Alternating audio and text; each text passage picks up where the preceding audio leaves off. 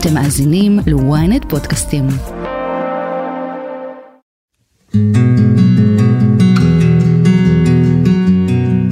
ככל שהמלחמה מתארכת, הלחץ הבינלאומי גובר וישראל מגיעה לנקודת הכרעה.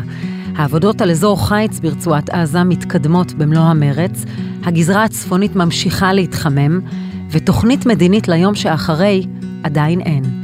הכותרת עם סדרת שיחות מיוחדת שמנסה לענות על השאלות והסוגיות הבוערות שמחכות לנו בשש אחרי המלחמה. האם אפשר כבר להכריז על סיום המלחמה בעזה? איך מסירים את האיומים מהצפון? ואיזה מקום צריך לתת למדינות העולם בפתרון? אני שרון קידון, וזאת הכותרת שאחרי המלחמה.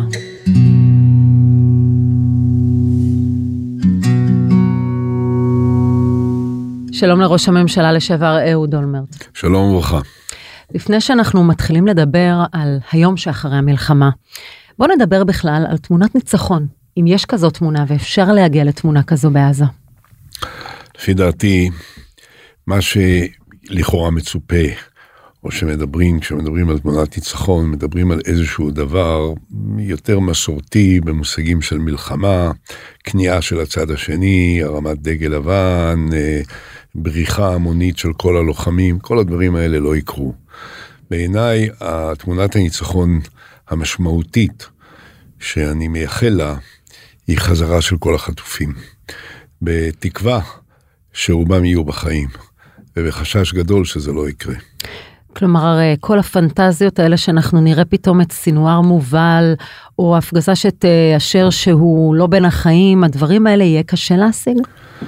אני חושב שהדברים האלה מלכתחילה היו בלתי אה, ריאליים, וההצהרה שחוזרת על עצמה בצורה ראוותנית ורברבנית לכל אורך הדרך, לא באה לשקף איזושהי מציאות ממשית שאפשר יהיה להגשים אותה, אה, זה לא בתנאים שקיימים בכלל במלחמה נגד ארגון טרור, ודאי שלא כשמדובר במלחמה נגד ארגון טרור שהצליח לבנות לעצמו תשתית כל כך מרשימה וגדולה אה, מתחת לקרקע, בתוך מרכז אה, אורבני צפוף מאוד, אולי אחד הצפופים ביותר בעולם, כאשר אה, אנשים אה, מתחברים ומשתלבים בתוך אוכלוסייה האזרחית, ואתה צריך לנסות איכשהו לבדל אותם, את הטרוריסטים שיורים והורגים ורוצחים. מהאוכלוסייה, זאת סיטואציה שבה אי אפשר לצפות לניצחון. אתן לך דוגמה, כשאנחנו התחלנו את המלחמה בלבנון השנייה, אה, בערב הראשון הגדרנו שבינינו הסיפור של ההתנגשות הצבאית יסתיים כאשר תהיה התערבות בינלאומית כתוצאה מהלחץ שהפעילות הצבאית של ישראל אה, יגרום. ושכתוצאה מההתערבות הבינלאומית המציאות בשטח תשתנה. וזה גם מה שקרה. לכן אה, לא הייתה תמונת ניצחון מן הסוג שבדרך כלל מצפים כשמדובר במלחמה נגד צבא. כשאנחנו נלחמנו נגד הסורים או נגד המצרים או ב-67 נגד, גם אה, נגד ירדן, היו צבאות שהיה להם תותחים, היו להם טנקים, היו להם מטוסים, אז כשהרסנו את רוב המטוסים ואת רוב הטנקים ואת רוב התותחים, זה יצר את תמונת הניצחון, יחד עם כיבוש שטח. וההצהרה של מיטוט החמאס, זה משהו שאפשרי?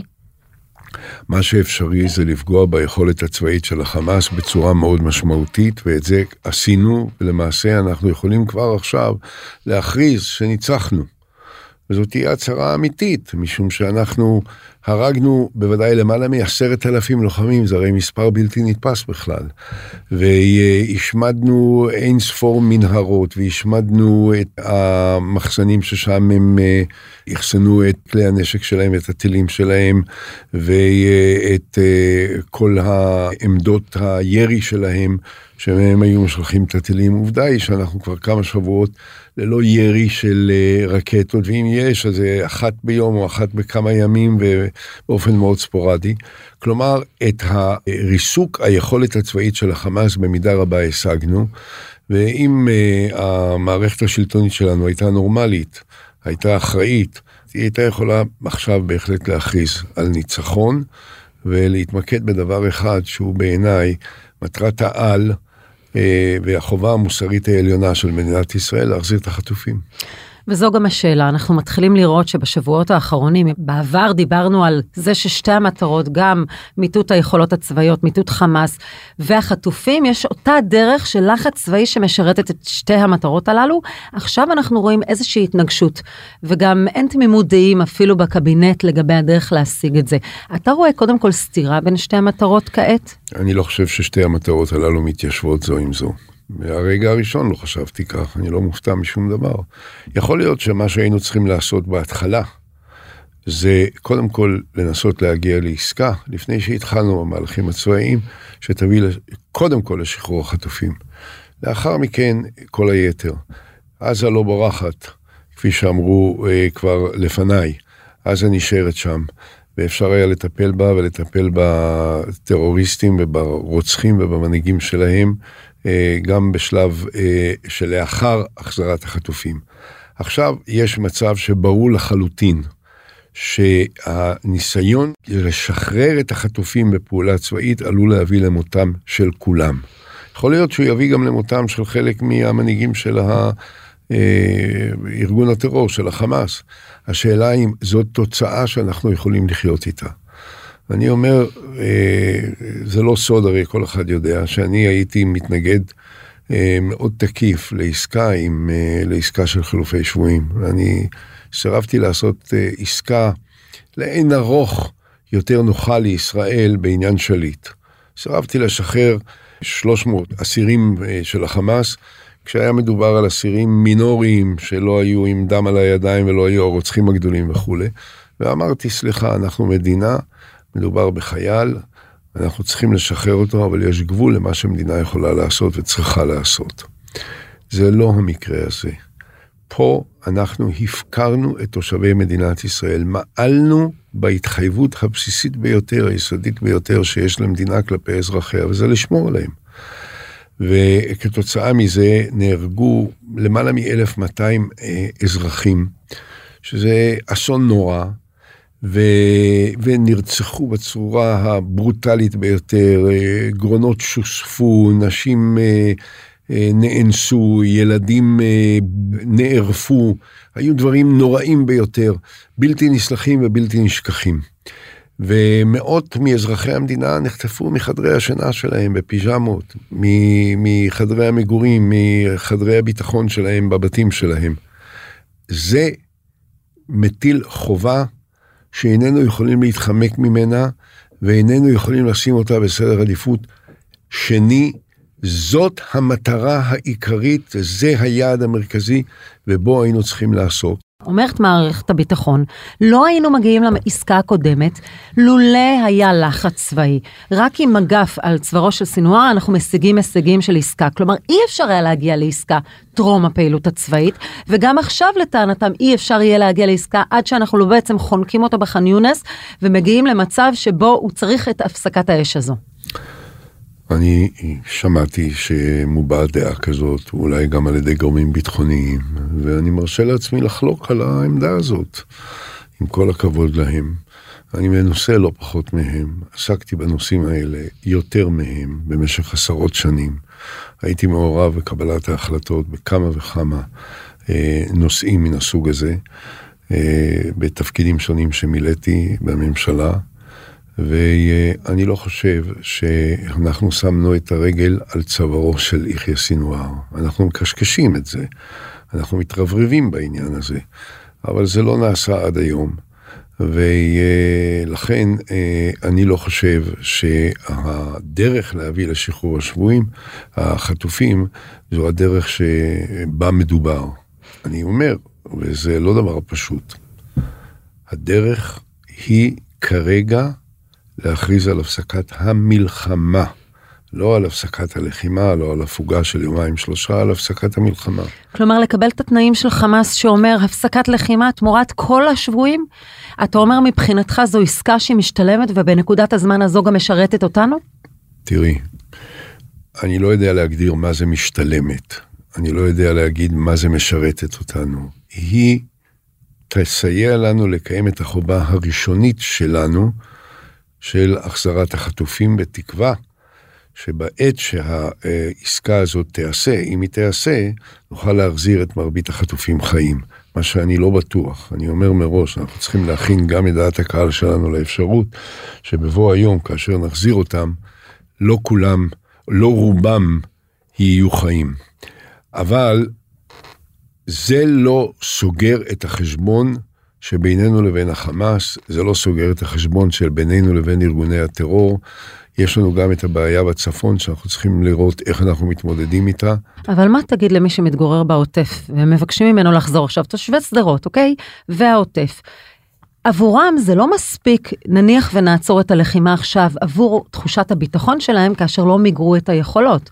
מבחינתם אולי זה לא מספיק. קודם כל, אני אמרתי קודם לכן שלפי דעתי אנחנו פגענו פגיעה אנושה בחלק ניכר מהיכולות הצבאיות של החמאס כבר עד עתה. זה דבר אחד. דבר שני, אנחנו נצטרך לספק גם ביטחון וגם תחושה של ביטחון לאלה שגרים באזור העוטף. אה, וזה יחייב אותנו לסדרה של צעדים. בין היתר, גם לתהליך של אה, הכנסת הכוח הבינלאומי לרצועת עזה, שהיא אפשרית רק במידה שאנחנו ניסוג משם, וזה צריך להיות מתואם בינינו לבין בעלי בריתנו, גם האמריקאים וגם האירופאים, ולפי דעתי הם יהיו מוכנים לזה. איך תיראה עזה ביום שאחרי, גם שאלת הרשות הפלסטינית, אם היא תהיה מעורבת לעיניך, זה, זה צריך להיות המעורבות הבינלאומית והמשמעות של החזקת שטח, כשאנחנו יודעים שהאמריקאים לא מתים על הפקעת השטח הזו לצורך יצירת אה, פירוז, לצורך אה, רצועת ביטחון. אני לא יודע מה זה הפקעת השטח. תראי, קודם כל צריך להבין, עזה היא לא שלנו, היא לא נחלת אבותינו, היא רק אה, איזושהי תולעת הרסנית אה, ורעילה שמסתובבת במוחם של כמה אנשים הוזים שמנסים להדליק אש עכשיו ביהודה ושומרון ורוצים להנציח את הסכסוך בעזה לתמיד, ואולי אם אפשר להדליק אש גם בצפון. אבל עזה היא לא שלנו, היא של הפלסטינאים, ובסופו של דבר היא תצטרך להיות גם מונהגת על ידי גורם פלסטיני אמין ויציב. עכשיו צריך להתחיל ליצור תהליך. בהתחלה באמצעות הכוחות הבינלאומיים, ולאחר מכן גם עם הפלסטינאים. הוויכוח הוא לא על הרשות הפלסטינית, הוויכוח הוא על ניהול משא ומתן עם גורם פלסטיני אמין, שיכול לקחת אחריות, שיכול לנהל מי? את העניינים. מי שהפלסטינאים יחליטו, ושאנחנו נחשוב שהוא פרטנר סביר לניהול משא ומתן.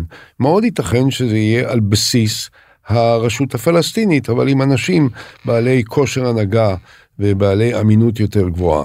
אה, אנחנו נצטרך לראות את זה, להניח שאין אף פלסטיני שאפשר לדבר איתו, זה כמובן איוולת הורות רוח. אגב, צריך גם לזכור שבעצם הימים האלה, ממש בעצם הימים האלה, יש לנו אה, שיתוף פעולה עם כוחות הביטחון הפלסטינאים ביהודה ושומרון, ואחת הסיבות שבגללן עוד לא פרצה אינתיפאדה בהיקף אדיר ביהודה ושומרון, זה בגלל שיתוף הפעולה איתם ועם הרשות הפלסטינית. אבל השאלה אם יש לה מספיק אחיזה בעזה, אנחנו ראינו בעבר את השתתפות החמאס. לא, אין לה כרגע מספיק אחיזה אז... בעזה, וזה בדיוק הסיבה שבגללה צריך לתקופת ביניים שיהיה כוח בינלאומי שיחליף אותנו ויכשיר את הקרקע לכניסה של כוחות פלסטינאים בעתיד, יחד עם כוחות ערביים, אבל הם לא יעשו את זה על הכידונים הישראלים. לכן צריכה להיות איזושהי תקופת ביניים בין הכיבוש שלנו עכשיו והפגיעה האנושה בתשתיות שם, היציאה שלנו, הכניסה של כוח בינלאומי, שלאחריו בסופו של דבר, בתהליך מתואם ובשיתוף פעולה, ולאחר שתיווצר איזשהו איזון שקט ברצועת עזה, אה, יוכלו להיכנס גם הכוחות הפלסטינאים והערביים. ואין לך בעיה עם זה שאנחנו רואים גם ברשות הפלסטינית אה, אין גינויים, יש אה, תמיכה וקצבאות למחבלים, יש גם התייחסות לאירוע הזה רק מהצד הפלסטיני, עם הנרטיב הפלסטיני. אין לך בעיה עם זה עם הרשות? קודם כל יש לי בעיה, יש לי הרבה בעיות עם, עם הפלסטינים. למרות שאני זוכר ששמעתי גם את אבו מאזן מגנה את מה שהיה, וגם את מוחמד דחלן, שהוא אחד מהדמויות הבולטות בציבור הפלסטיני, אומר דברים קשים מאוד על האירועי השביעי לאוקטובר ומגנה אותם בצורה חד משמעית. אז היו, אבל אנחנו צריכים להבין משהו. הניסיון לייצר איזושהי מציאות הזויה, אה, דמיונית, אה, לא, לא רצינית, הייתי אומר כמעט ילדותית. זה טמטום, הם אויבים שלנו. הם אויבים שלנו. ואנחנו נצטרך להגיע בסופו של דבר לאיזשהו הסדר עם האויבים שלנו. מה האלטרנטיבה לזה? הרי צריך תמיד לשאול, מה האלטרנטיבה לזה? נניח ש, שאנחנו אומרים, אוקיי, הם נוראים, הם רוצחים, הם, והם, ורבים מהם כאלה, בזה אין ספק. אני נלחמתי בהם יותר מנתניהו, בפחות שוויץ, אבל נלחמתי בהם והרגתי בהם הרבה יותר. אבל בסופו של דבר צריך לשאול, אוקיי, נהרוס את החמאס, אוקיי? נו ומה אז? אנחנו מה, נשלוט לנצח בחמישה מיליון פלסטינאים? לא ניתן להם זכויות, לא ניתן להם חופש תנועה, לא ניתן להם חופש דיבור, לא ניתן להם זכויות אזרח, לא ניתן להם זכויות פוליטיות, ואת חושבת שמדינת ישראל תוכל להתקיים ככה ושהעולם יסבול את, ה, את המציאות הזאת לאורך שנים? מדינת ישראל כבר היום, היא נמצאת במצב בעולם שהוא יותר גרוע ממה שהייתה דרום אפריקה בשנים הכי גרועות שלה. מה עמדתך לגבי קטאר, גם כמתווכת וגם כמי שתהיה מעורבת בחיים שאחרי בעזה? א', אני לא יודע אם היא תהיה מעורבת בחיים שאחרי זה. ב', אנחנו משתמשים היום ביכולות התיווך של קטר, לא בגלל שאנחנו חושבים שהקטר הם חבורה של צדיקים. אני למשל, בניגוד לרבים ישראלים רבים אחרים, לא נסעתי למשחקי הגביע העולמי בקטר, למרות שאני אוהד מושבע של אה, כדורגל, והוא הוצע לי עם הזמנות ועם כרטיסים וכולי וכולי, אמרתי, לא רוצה לבוא לשם, לא רוצה להיות שם. אנחנו משתמשים באמצעי הקישור של קטר במידה שהם יכולים לסייע לנו. כל עוד הם יכולים לסייע לנו, אנחנו עושים את זה לא בגלל שאנחנו אוהבים אותם, לא בגלל שאנחנו רוצים בהם, אלא בגלל שככל הנראה, אם הגיעו, הגענו למסקנה, או הגיעו הגורמים השונים אצלנו למסקנה, שיש יותר סיכוי, אני לא אומר ודאות, כנראה שיש יותר סיכוי אולי להגיע לאיזשהו הסדר של החזרת החטופים, במידה שקטר מעורבת בזה. לפחות בהתחלה הם היו מעורבים בזה. עובדה שגם האמריקאים, שהם לא בדיוק שונאינו, כפי שבוודאי את אה, יודעת היטב, הם המדינה שהתייצבה לצידנו בצורה שהיא מעוררת התפעמות והתפעלות והערצה. שאף אחד לא שיער את ממדיה, היא עד כדי כך התייצבה לצידנו ארצות הברית, שזה ממש מאיים על אפשרות, על סיכוייו של הנשיא ביידן להיבחר פעם נוספת אה, לנשיא הברית. הם כולם חושבים שעם קטר צריך לנהל את המשא ומתן כדי להביא להחזרת החטופים. אז אה, אם אה, מישהו חושב שיש דרך אחרת, בינתיים אנחנו לא רואים שום תוצאה. אבל לא רק בעזה יש מלחמה, סוגיית היום שאחרי ממתינה לנו גם בגבול הצפון עם חיזבאללה. איך זה ייראה שם? תכף נמשיך, אבל קודם אנחנו מזכירים לכם לעקוב אחרינו בספוטיפיי, לעשות פולו באפל פודקאסט ולהצטרף לקהילת הכותרת. רוצה לדלג איתך לזירה שאתה מכיר היטב, הזירה הצפונית. אנחנו רואים בימים האחרונים גם פגיעה במתקדמים אסטרטגיים הדדית, גם של חיזבאללה וגם של ישראל, אבל עדיין רף לחימה בעצימות יחסית נמוכה. האם אנחנו קרובים למערכה צפונית?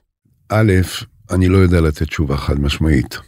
אני קורא עכשיו אה, באופן לחלוטין מקרי ספר על הימים שקדמו למה שעתיד היה להיות העימות האטומי בין ארצות הברית לרוסיה ב-27 לאוקטובר 1962. משבר הטילים בקובה. משבר הטילים בקובה, והתזה של ההיסטוריון שכותב את זה, ושהוא היסטוריון אה, נודע לתהילה, לא הייתה, זה לא נמנע כתוצאה מהחלטה ולא כתוצאה משיקול דעת ולא כתוצאה מרצון של המנהיגים, אלא במזל.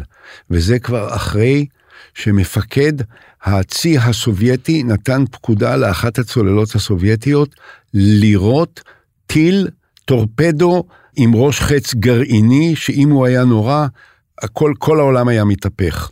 ובמזל, בגלל איזשהו חוש אחריות של אחד מהמפקדים הסובייטים שהיה שם, במקרה אחד מהמפקדים שהיה על הספינה המסוימת הזאת, שהמפקד שלה נצטווה לראות את הטיל, הוא מנע את ירי הטיל.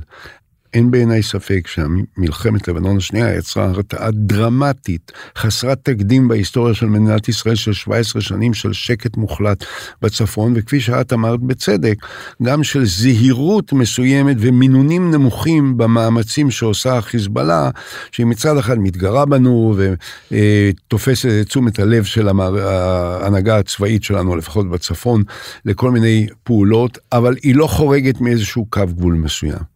מה יקרה מחר אם בטעות טיל אחד שיירה לא יעוף לכיוון שהוא יועד לו, והוא יפגע בקבוצה של אזרחים ויגרום לאיזה הרג מן הסוג, חס וחלילה, שהיה לנו בעזה לפני uh, כמה ימים עם 21 הרוגים? אני לא יודע להגיד. אבל נראה לי שיכול להיות גם מסלול פוליטי לפתרון בצפון. אני חושב שיש לנו סוגיות שקשורות בציון נקודות הגבול המדויקות שישנן שמה, אה, דבר שנדון בשעתו במועצת הביטחון של האו"ם. אני חושב שאם אפשר יהיה בשכל, באחריות, בלי רברבנות ובלי איומים, להגיע לסוג של הידברות, בעיקר בתיווך ארה"ב וצרפת, כדי להגיע הפתרון הזה, שיקבל גושפנקה של מועצת הביטחון של האו"ם, ייתכן מאוד שהתוצאה שלו תהיה שהחיזבאללה ייסוגו מחדש ל-40 קילומטר, כפי שהם היו אחרי מלחמת לבנון השנייה. אז מה בעצם קרה? אז אנחנו רואים החלטת או"ם ב-2006, 1701. הרי עכשיו אנחנו רוצים את החלטת 1701 עכשיו, נכון, עכשיו, אבל, אז אמרו אבל עליי... איפה טעינו? לו אתה עכשיו מקבל ההחלטות, ונניח יש הסכם מדיני של יישום החלטת ש- 1701, השגת כוחות חיזבאללה אל מעבר לליטני. מה קורה כשמתחילים לחזור שוב לבתים שלהם? בולמים? את החזרה שלהם לפני שהם מגיעים לקרבת הגבול. ואנחנו יודעים איך לעשות את זה. עשינו את זה גם אה, אחרי 2006. אני יכול לספר לך כאן, אני לא יודע אם זה פורסם ברבים. בשעתו, אחרי שנתקבלה ההחלטה והם נסוגו ונכנס הכוח הבינלאומי, אנחנו בחודשיים הראשונים נשארנו בדרום לבנון, הם לא העזו להתקרב אלינו. ואז הם נסוגו את ה-40 קילומטר, הגיע הכוח הבינלאומי, הגיעו 15 אלף חיילים של צבא לבנון וכדומה. אנחנו ראינו שיש פה ושם ניסיונות שלהם להעביר אספקה של נשק לבנון שנאסרה בהתאם להחלטת 1701 והיו שיירות גדולות מאוד של נשק שהיו באות אה, בדרך יבשתית מאיראן לסוריה ומשם היו מנסים להעביר אותם ללבנון. אני יכול להגיד לך, הרבה מאוד שיירות התרסקו כשהם נכנסו לסוריה ולא הצליחו להעביר את הנשק הזה. וכשהיה צורך התקפנו ופעלנו לא דיברנו, לא התרברבנו, לא השווצנו, אבל הרסנו שיירות כאלה כדי למנוע מהם להפר את ההחלטה. מה שקרה אחרי שאני חדלתי להיות ראש ממשלה, זה שהחיזבאללה, במיוחד אחרי עסקת שליט. עסקת שליט היא נקודה מכוננת בהיסטוריה החדשה של מדינת ישראל. מדוע? כשמדינת ישראל הסכימה לשחרר את כל הרוצחים האלה, 1,027 רוצחים, ובראשם יחיא סינואר וכל חבורת הרוצחים על ידו, תמורת חייל אחד, גם הפלסטינאים בעזה וגם החיזבאללה בלבנון הבינו שההנהגה שלנו היא הנהגה רופסת, שאפשר לאתגר אותה ואפשר להתגרות בה, ובסופו של דבר אפשר גם לטלטל אותה אז הנה זה ולזעזע עומד אותה. בסתירה לטענה שלך מתחילת שיחתנו שצריך לבצע עסקה עם כל המחירים שלה. אה, יש כאלה שטוענים זה יביא לפגיעה בהרתעה. סליחה. ובעצם כל אדם הוא בר אני- אני חטיפה לא, אמ- עכשיו. אני לא אמרתי שמי שיישאר בראש הממשלה זה מי שלא מרתיע אותם, אלא מי שהם בזים לו. אם יישאר ביבי נתניהו, אז אה, אה, אה, בוודאי שהם יבוזו לו, אבל אני הרי מתכוון לעסקה שבה השלטון במדינת ישראל יהיה שלטון שמפחדים ממנו. היה שלטון כזה כן, בעבר. צריך לומר גם ביושר, במהלך השנים ישראל כן פועלת, גם בשנים שאתה לא ראש ממשלה, היא פועלת נגד משלוחי נשק, ובדרך כלל נשק אה, שובר שוויון, נשק אסטרטגי. סליחה, סליחה, גם פה. מהמם. אני יכול, אילו היה לנו זמן, הייתי מביא לך ציטוטים מלפני שנים, שאמרתי כבר אז, העובדה שממשלת ישראל, בתקופת מלחמת האזרחים בסוריה, אפשרה לאיראנים להיכנס לסוריה ולתפוס שם בסיס ונוכחות עם יחידות צבאיות מאוד מרשימות, זה המחדל הביטחוני הגדול ביותר שלנו, עד שהגיע השביעי לאוקטובר. אנחנו לא מנענו את כניסת האיראנים לסוריה, דבר שיכולנו לעשות. נכון שבשנים האחרונות אנחנו מתקיפים את הנוכחות שלהם שם, אנחנו לא גירשנו אותם מסוריה, והם מסתבר יכולים לעמוד בהתקפות שלנו, ואני חושב שזה בהחלט מחדל שאני מקווה מאוד שאנחנו נדע להתמודד איתו בצורה יעילה מתישהו בעתיד. אז בואו ננסה לנסח משהו שהוא גם רלוונטי גם לצפון וגם לדרום, הנושא של הסתמכות על כוח בינלאומי, התפקיד של ישראל ואיך מייצרים הרתעה. בואו ננסה לעשות סיכום של מה הם הגיידליינס שלמעשה יכולים להחזיק לנו גם בשקט לשנים ארוכות את הצפון וגם את הדרום. קודם כל, אנחנו צריכים להסתמך על היכולות שלנו, על הכוח שלנו, אבל בעיקר אנחנו צריכים לוותר, דבר שמאוד קשה לנו בשנים האחרונות, על היהירות והזכיחות שלנו. ככל שאנחנו נלמד לוותר יותר על היהירות ועל הזכיחות שלנו, וננקוט ביכולות שלנו, באמצעים שלנו, שיש לנו, כי למה הדבר דומה? כולם אומרים, איך אפשר לחיות בדרום? סליחה, אם בשביעי לאוקטובר היו שישה הליקופטרים ועוד שלושה או שני גדודים שמוצבים בעמדות שלהם ולא נשלחים אולי להגן על חווארה ועל קבר יוסף ביהודה ושומרון, אז לא היה קורה שום דבר. זאת אומרת, זה לא שאין לנו את היכולת הזאת, זה שלא הפעלנו לא את התבונה שלנו, לא את חוש הצניעות שלנו, לא את חוש המציאות שלנו, כדי להתמודד עם האיומים שידענו עליהם, שהיה לנו את כל המידע המודיעיני עליהם, אבל זלזלנו מי אלה הערבים האלה, מה הם מסוגלים לעשות וכולי, הם הוכיחו לנו שהם מסוגלים לעשות. אז קודם כל נצטרך להסתמך על יכולתנו, על העוצמה שלנו, בכל הגזרות. בדרום, בצפון ובמזרח. עכשיו, אם נדע בתבונה ליצור מערכת נכונה של שיתוף בינלאומי עם הגורמים הבינלאומיים, אז נוכל להקל עלינו. כך עשינו בראשית הדרך אחרי 2006 בצפון, ולכן החיזבאללה אה, נפוצו אל מעבר לקו 40 הקילומטר, והם מורתעים עד היום, גם היום עדיין, אם תשאלי את נסראללה, הוא יגיד לך מה שהוא אמר ביום שלאחר מלחמת לבנון השנייה, אילו הייתי יודע על אחוז אחד מהתגובה הישראלית, לא הייתי מתחיל.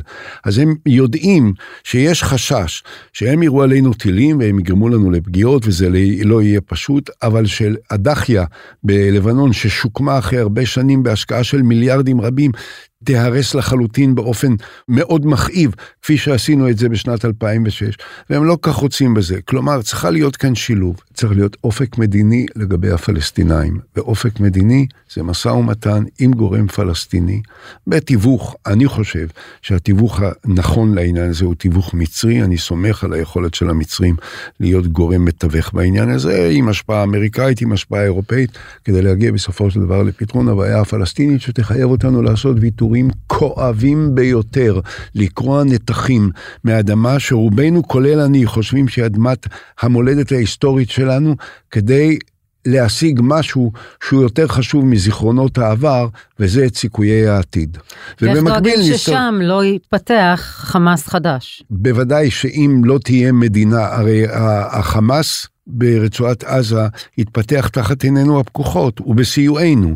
אז בוודאי שאם אנחנו לא נעשה את הדברים החכמים והנכונים, ולא ניצור איזשהו בסיס של תקווה לחיים אחרים גם לפלסטינאים, אז בוודאי שיהיה גם היום תחת שליטתנו ביהודה ושומרון יש טרור. עובדה היא שאנחנו לא יכולים למנוע את זה. גם בירושלים יש טרור, שהיא לכאורה בכלל חלק ממדינת ישראל, ירושלים הערבית. בשל מה אף אחד לא יודע, אבל עובדה היא שהיא חלק ממדינת ישראל ויש בה טרור. אז הברירה שלנו היא בין פעולה מתואמת איתנו, עם הפלסטינאים, עם הקהילה הבינלאומית, עם המדינות הערביות שרוצות בקשר איתנו, אם זה האמירויות, ואני אומר לך שאני יודע את זה גם משיחות שניהלתי עם מנהיגי המדינות האלה רק בשבועות האחרונים, כשהייתי אורח שלהם.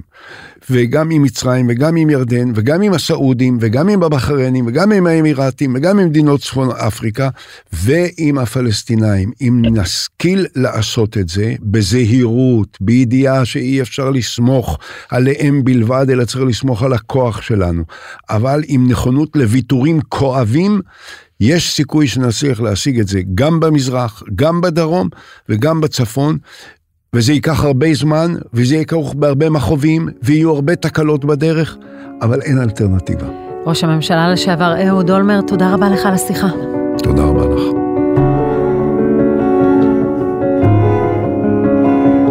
ועד כאן כותרת להפעם. אם עדיין לא נרשמתם לעקוב אחרינו באפל או בספוטיפיי, כדאי לכם. אתם מוזמנים לדרג אותנו, להגיב לנו, אנחנו נשמח לקרוא. את הכותרת אפשר למצוא גם באתר ynet או באפליקציה בנייד וברכב. אם הגעתם עד פה, אתם מוזמנים להאזין לפרק נוסף שלנו בסדרת היום שאחרי. חפשו את הפרק בלי אבו מאזן עם פקידי הרשות, היום שאחרי המלחמה על פי לפיד. תחקיר הפקה ועריכה גיא סלם ועדן דוידוב, סאונד ומיקס סתיו בצללי. אני שרון קידון, שמרו על עצמכם.